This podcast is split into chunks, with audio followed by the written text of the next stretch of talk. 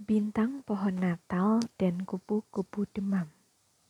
Suatu sore, Cecilia terbangun oleh suara burung blackbird di luar sana. Saat itu, ibu yang duduk menungguinya di samping tempat tidur. Kenapa jendelanya dibuka? Tanya Cecilia. Udara di luar sangat indah dan hangat, hampir seperti musim semi. Apa saljunya sudah mencair semua? Oh, belum. Masih ada es di sungai. Ibu mengangguk. Tapi sudah tidak aman lagi untuk bermain di atasnya. Cecilia memikirkan Ariel. Terakhir kali Ariel datang, dia sangat sendu. Mungkinkah itu karena dia telah memberitahukan rahasia-rahasia terakhir dari surga? Sekarang selalu ada orang yang menenggui Cecilia. Suatu malam, Cecilia minta dibiarkan sendiri sepanjang malam. Saat itu, ibu dan ayah sedang menungguinya. Salah satu dari kami akan selalu menungguimu. Ayah meyakinkan Cecilia. Kenapa? Karena tak seorang pun menjawab, Cecilia berkata, "Kalau butuh sesuatu, aku bisa membunyikan bel." Ayah membelai rambut Cecilia. Mungkin nanti kau tak kuat. Kalau begitu, aku akan mengirimkan malaikat untuk membangunkan ayah dan ibu. Keduanya bertukar pandangan. Cecilia berkata, Ayah dan ibu tidak curiga aku bakal kabur kan? Ayah hanya menggelengkan kepala, tapi ibu berkata, "Kami menungguimu di sini seperti dulu sering kami lakukan ketika kau masih bayi." Karena sekarang ibu dan ayah mendadak khawatir burung ini akan kabur dari sarangnya. Cecilia nyaris harus memaksa mereka untuk meninggalkan kamarnya. Ketika ia terbangun sebentar kemudian, Dilihatnya Ariel duduk di pinggiran jendela. Kau tampak sangat cantik saat tidur, kata Ariel.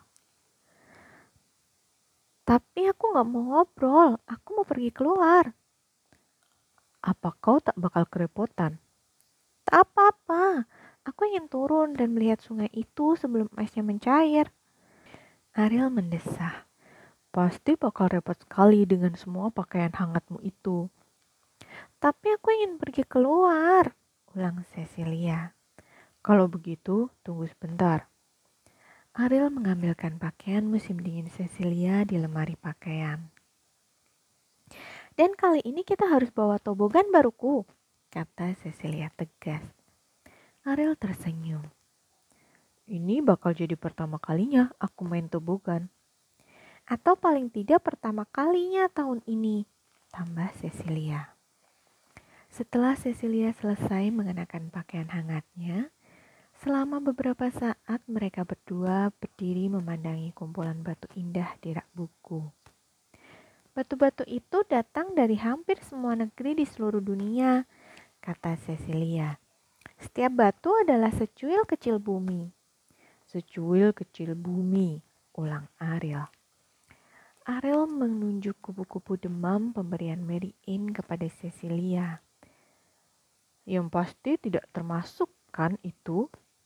Cecilia tak menjawab, tapi ia mengambil kupu-kupu itu dan memasukkannya ke dalam kantong anoraknya. Sekarang kita akan keluar untuk terbang, katanya. Keluar untuk terbang, Ariel menirukan. Sekarang ia akan keluar untuk terbang. Pertama-tama, kau harus melihat apa semua keluargaku sudah tidur. Tatapan jahil terpancar dari mata Ariel. Apa tidak sebaiknya kita memeriksanya berdua? Mereka berdua keluar, berjalan melintasi kamar-kamar, dan meletakkan tobogan itu di dekat tangga. Lantas, mereka menyelinap ke kamar ayah dan ibu. Pintunya terbuka. Cecilia dan Ariel berdiri berdampingan di mulut pintu. Cecilia meletakkan salah satu telunjuknya di bibirnya, bisik Cecilia. Kamar itu nyaris gelap total, tapi ada seberkas sinar yang menerobos melewati jendela. Asalnya dari lampu di atas pintu gudang. Ibu dan ayah berbaring saling meratap. Saat tidur mereka terlihat seperti anak-anak ya, bisik Ariel. Cecilia mengangguk. Aku ingin tahu mereka sedang bermimpi apa sekarang. Mereka keluar lagi ke gang di antara kamar-kamar. Kemudian mereka masuk ke kamar si kecil Lars. Setumpuk besar balok-balok Lego menggunduk di atas lantai. Cecilia harus berjalan hati-hati supaya tak menyandungnya. Ariel hanya perlu melayang beberapa sentimeter di atas lantai. Tiba-tiba, Cecilia merasa betapa ia sangat menyayangi adiknya, sehingga ia harus mengusap beberapa tetes air mata yang mengenangi kedua matanya. Sungguh aneh, bukan? Kau meneteskan air mata karena sangat menyayangi seseorang. Selama beberapa minggu ini, Cecilia sangat jarang melewatkan waktu dengan Lars, sampai-sampai Cecilia merasa asing terhadapnya. Mereka berdua mengangkat tobokan dan menuruni tangga dengan hati-hati menuju lantai bawah. Nenek dan kakek tinggal di rumah kecil di samping rumah ini, bisik Cecilia. Malaikat Ariel mengangguk. Tapi sekarang nenek tidur di sofa di ruang keluarga. Mereka mengintip ke ruang keluarga dan memang benar, terlihat nenek tidur masih mengenakan pakaian lengkapnya. Hanya ada selembar kecil selimut menghangatkan tubuhnya. Cecilia tahu belakangan ini nenek beberapa kali tidur di sofa itu. Kata ibu, itu karena nenek tak tahan mendengar suara dengkuran kakek.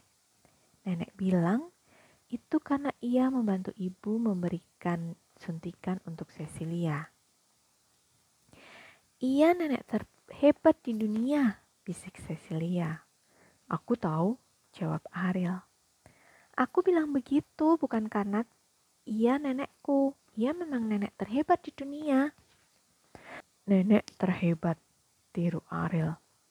Nenek terhebat di dunia. Mereka keluar ke teras dan menutup pintu keluar. Di luar, terbentang malam dingin musim salju. Angkasa dipenuhi bintang-bintang cemerlang sehingga membuat suasana seterang pagi. Rembulan tak muncul sehingga bintang-bintang bersinar luar biasa terang. Hanya dalam keadaan yang benar-benar gelap, kegelapan mengungkap semua cahayanya. Cecilia berlari melintasi pekarangan sambil menyeret tubuhkannya. Nenek telah mengikatkan tali ter terbang tali tertebal ketumpukan. Ibu bilang tidak ada alasan buru-buru melakukannya. Jadi Cecilia dan nenek harus melakukannya diam-diam. Turunan landai yang panjang membentang dari pekarangan hingga hampir mencapai sungai. Cecilia segera duduk di dalam tumbukan. Sembari berangkat meluncur, ia menoleh ke Ariel dan memanggilnya. Kalau mau ikut meluncur, pegangan erat-erat. Ariel ikut masuk ke tobogan dan duduk tepat di belakang Cecilia. Permukaan tanah masih berlapis es, sehingga mereka meluncur luar biasa deras di atas bantaran sungai yang berumput. Tobogan itu baru berhenti setelah mencapai kaki lereng, di samping gerombolan semak di tepi sungai. Cecilia tertawa. Rekor baru, katanya. Ia berdiri dan menoleh ke Ariel. Rasanya menyenangkan sekali kan? Aku yakin begitu. Jawabnya dengan raut muka sedih. Tapi aku tak merasakan apa pun. Sekarang kita menyeberang sungai, putus Cecilia. Ia mulai berjalan menerobos semak-semak rimbun. Segera mereka sampai di hamparan es. Aku tak diberi hadiah sepatu skate, skate kata Cecilia. Tapi aku tetap bisa main skating. Cecilia melepaskan tobogan dan mulai meluncur dengan sepatu botnya di atas es. Ariel mengikutinya dengan meluncur memakai kedua kaki telanjangnya. Kakinya pasti licin sekali, karena ia bisa melakukan beberapa putaran lucu di atas es seperti para pebalet es. Mendadak terdengar bunyi gemuruh dan sesuatu yang pecah dari lapisan es. Cecilia berlari secepat mungkin ke tepi sungai di seberang. Ariel terbang mengikutinya. Saat mereka membalikan badan dan memandang ke belakang, terlihat lapisan es sungai telah pecah menjadi beberapa kepingan besar. Jauh di tengah sungai, tobogan Cecilia tergeletak di salah satu kepingan es. Toboganku! teriak Cecilia. Cecilia tak perlu berkata apa-apa lagi karena Ariel sudah melesat pergi. Mulanya, Cecilia mengira ia akan terbang di atas sungai dan menukik turun mengambil tobogan. Tapi saat Ariel mencapai tepi sungai, ia terus melangkah di atas kepingan-kepingan es. Bahkan di beberapa tempat, ia juga berjalan di atas air. Dalam waktu amat singkat, Ariel sudah kembali dengan tobogan itu. Cecilia tak bisa memahami sepenuhnya apa yang baru terjadi. Tapi terlihat nyaris seolah-olah tobogan itu melayang rendah di atas air, sama seperti jika rusa-rusa kutub Natal menarik kereta Sinterklas di udara. Luar biasa, seru Cecilia. Cecilia memegang erat-erat tali tobogan dan berkata, Ayo kita pergi ke rumah Mary Ann. Mereka mendaki lereng menuju rumah kuning. Sudah berbulan-bulan Cecilia tidak datang ke sana. Mary Ann menengoknya beberapa kali sebelum Natal, tapi itu sudah berminggu-minggu yang lalu. Begitu mereka tiba di rumah itu, Cecilia mencoba membuka pintunya. Ternyata terkunci. Kalau begitu, kita tak bisa masuk, kata Ariel. Tentu saja aku bisa menembus pintu itu, tapi menurutku tak semestinya kita berdua melakukannya. Cecilia tersenyum nakal. Ia berjalan ke arah gudang kecil di luar rumah itu dan memberi isyarat Ariel untuk mengikutinya. Aku tahu tempat mereka menyimpan kunci cadangan, kata Cecilia bangga. Cecilia langsung bisa menemukannya di bawah kaleng cat kosong. Dulu, ia sering melewatkan waktu di rumah Mary Ann. Nyaris sesering ia melewatkan waktu di rumahnya sendiri. Cecilia membuka kunci pintu rumah. Mereka masuk pelan-pelan. Untuk mencapai kamar Ann, mereka harus melewati ruang keluarga. Cecilia menyalakan sebuah lampu di dinding. Ariel membuntutinya seperti adiknya saja. Cecilia memutar pegangan pintu kamar Mary Ann dengan hati-hati dan kemudian membukanya. Mary Ann terbaring tidur dengan rambut merah panjangnya tergerai di atas bantal. Sepanjang malam ini, Cecilia merasa terbebas dan sebahagia burung. Tetapi saat melihat Mary Ann, ia menangis. Mungkin itu karena ia melihat Mary Ann tidur. Atau karena sudah lama ia tak bertemu dengannya. Apa kau menangis? Bisik Ariel. Iya, aku menangis. Mary Ann membalikan badan di atas ranjangnya. Sepertinya sewaktu-waktu ia bisa terbangun. Ariel menggamit anorak Cecilia Kau harus mengucapkan selamat tinggal kepadanya sekarang. Cecilia membuka kancing kantong anoraknya dan mengeluarkan kupu-kupu kecilnya. Cecilia membungkuk dengan hati-hati dan meletakkannya pelan-pelan di atas lantai di samping tempat tidur Mary Ann. Kenapa kau melakukannya? Tanya Ariel. Dia memberikannya kepadamu. Cecilia mendesah. Oh, kurasa aku tak akan menggunakannya lagi. Beberapa saat kemudian, sahabat Cecilia itu terbangun dan duduk tegak di atas ranjangnya. Tapi saat itu, Cecilia dan Ariel sudah melewati ruang keluarga. Mereka mengunci pintu rumah dan Cecilia berlari mengembalikan kunci ke gudang kecil. Mereka lalu duduk di dalam tobogan dan meluncur sebentar kembali ke sungai. Saat tobogan itu berhenti meluncur, Ariel melompat keluar dan mulai terbang di sekeliling Cecilia seperti sebuah boneka tanpa bobot. Cecilia sendiri merasa sedikit tanpa bobot. Ia duduk tegak di tobogan, memandang ke atas langit. Inilah keabadian, desahnya. Atau surga, kata malaikat Ariel. Atau jagat raya. Atau alam semesta, sambung Cecilia. Atau kosmos, kata Ariel, dan mereka berdua sudah tiba di ambang tawa. Atau ruang angkasa, atau garam bagi dunia, atau kenyataan, atau gampangnya dunia, atau misteri akbar, teriak Cecilia akhirnya. Ariel mengangguk dengan sendu. Anak yatim piatulah yang punya banyak nama. Anak yatim piatu? Ariel kembali mengangguk. Bukan anak yang dilimpahi kasih sayang yang mendapat banyak nama, tapi anak yang hilang, anak yang ditinggalkan di depan pintu, anak yang tak seorang pun tahu asal-usulnya, anak yang melayang-layang di ruang hampa.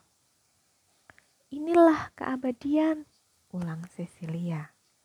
Malaikat Ariel melayang turun, masuk ke tumpukan dan duduk di samping Cecilia. Kemudian dia berkata, dan kau melihatnya paling jelas pada tengah malam. Cecilia menoleh ke Ariel dan mengulangi lagi apa yang dulu pernah ia ucapkan. Kali ini, Cecilia memberi tekanan pada setiap satu kata. Aku berada di bumi ini sekali saja, dan aku tak akan kembali kemari lagi. Tetapi, malaikat Ariel menggelengkan kepalanya. Katanya, kau sekarang sudah berada dalam keabadian, dan itu berarti kau selalu kembali. Mereka berjalan menuruni tepi sungai. Mereka melihat keping-keping besar es dihanyutkan arus menyusuri lembah. Sungai itu yang berbaring begitu tenang dan damai sepanjang musim salju mendadak memperdengarkan suara gemuruh seolah mengungkapkan amarahnya. Mereka berdua menyusuri tepi sungai menuju jembatan dan kemudian menyeberang. Saat mereka tiba di tengah jembatan, Ariel menunjuk sungai di bawah dan bertanya, "Apa nama sungai ini?" "Apa nama sungai ini?" ulang Cecilia. "Aku kan sudah memberitahumu berkali-kali, namanya Leila." Ariel mengangguk. Nama yang indah dan sangat membumi, karena nama itu mengingatkanku pada tanah liat tapi dalam cermin surgawi. Bahkan hal yang sangat duniawi pun menjadi surgawi. Aku tak paham maksudmu. Leira, ulang Ariel. Ia tersenyum misterius. Kau melihat segala sesuatu dalam cermin samar-samar. Cecilia mengangkat bahunya. Ariel lantas berkata, Bisakah kau baca Leira dari belakang? Selama sedetik Cecilia terpaku. Ariel, seru Cecilia. Tentu saja, Ariel. Ariel mengangguk dengan bangga. Itulah sebabnya aku selalu menyukai lembah ini. Cecilia benar-benar terkesan karenanya. Selama mereka berjalan menaiki lereng menuju Skotbu, Cecilia beberapa kali mendongak untuk memandang angkasa raya. Mendadak, mereka melihat sebuah bintang jatuh. Ariel menekap mulutnya lalu berkata, "Sebuah bintang telah jatuh." "Sebuah bintang telah jatuh," ulang Cecilia. Cecilia teringat bintang pohon natal lama yang mendadak hilang itu. Bukankah Ariel pernah bilang bahwa ia dia, bahwa dia tahu di mana bintang itu berada? Sembari menyeret tobogan itu mendaki tanjakan terakhir menuju gudang merah di rumahnya, Cecilia berpaling ke Ariel dan bertanya, Kau ingat, aku pernah bercerita kepadamu tentang bintang pohon natal lama yang hilang dengan misteriusnya. Wajah Ariel memancarkan ekspresi ganjil. Mungkin sebenarnya tak semisterius itu kok.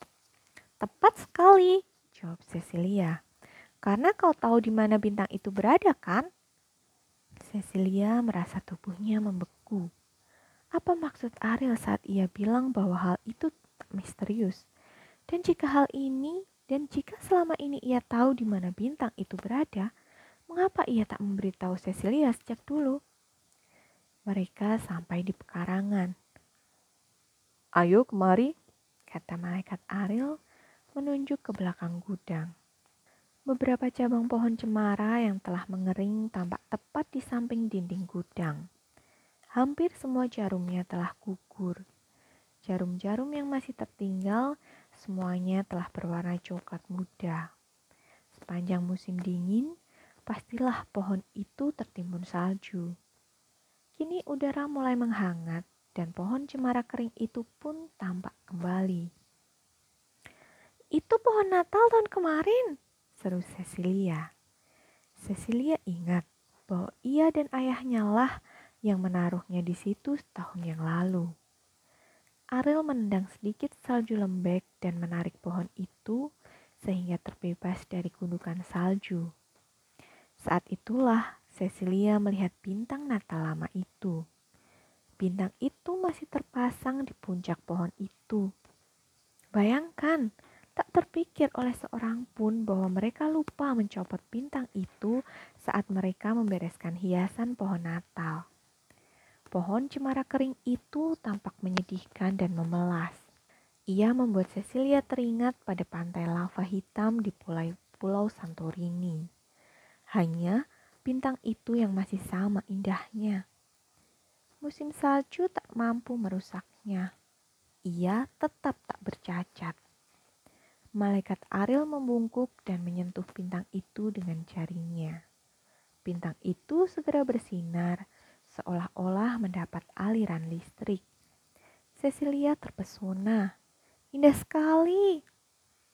Begitu jari Ariel tak menempel padanya, bintang itu padam. Lakukan lagi, pinta Cecilia. Dan Ariel melakukannya lagi. Cukup dengan sentuhan kecil, Ariel membuat bintang pohon natal lama itu bersinar kembali dan menerangi Cecilia dan Ariel.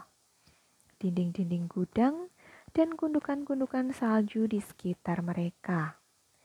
Ariel memberi isyarat kepada Cecilia. Cecilia paham bahwa mereka harus kembali ke dalam rumah dan masuk ke kamarnya sebelum seorang pun di rumah terjaga. Kali ini pula Ariel membantu Cecilia naik ke tempat tidur. Ariel menyandarkan tobogan persis seperti sebelumnya. Kemudian ia meniup lenyap semua salju dan lumpur sehingga kamar itu bersih kembali. Cecilia terlelap begitu ia membaringkan tubuhnya. Ketika ia terbangun lagi, ayah dan nenek duduk di samping tempat tidurnya. Sekarang malam ya? Tanya Cecilia. Ayah mengangguk. Ia meraih tangan Cecilia, sementara nenek menyeka bibir Cecilia. Aku tahu apa yang terjadi pada bintang pohon Natal lama itu, bisiknya. Nenek dan ayah saling bertukar pandang. Bintang pohon Natal, ulang ayah. Cecilia mengangguk. Ia tergeletak di belakang gudang. Kita lupa mencopotnya ketika kita membereskan hiasan pohon Natal. Sebelum Cecilia jatuh terlalap lagi, ia menatap nenek dan mengucapkan beberapa patah kata sekeras dan sejelas yang ia mampu. Ia mengucapkan kata-kata itu seolah-olah berasal dari sebuah puisi yang pernah ia hafalkan bukan anak yang dilimpahi kasih sayang yang mendapat banyak nama, tapi anak yang hilang, anak yang ditinggalkan di depan pintu, anak yang tak seorang pun tahu asal-usulnya, anak yang melayang-layang di ruang hampa.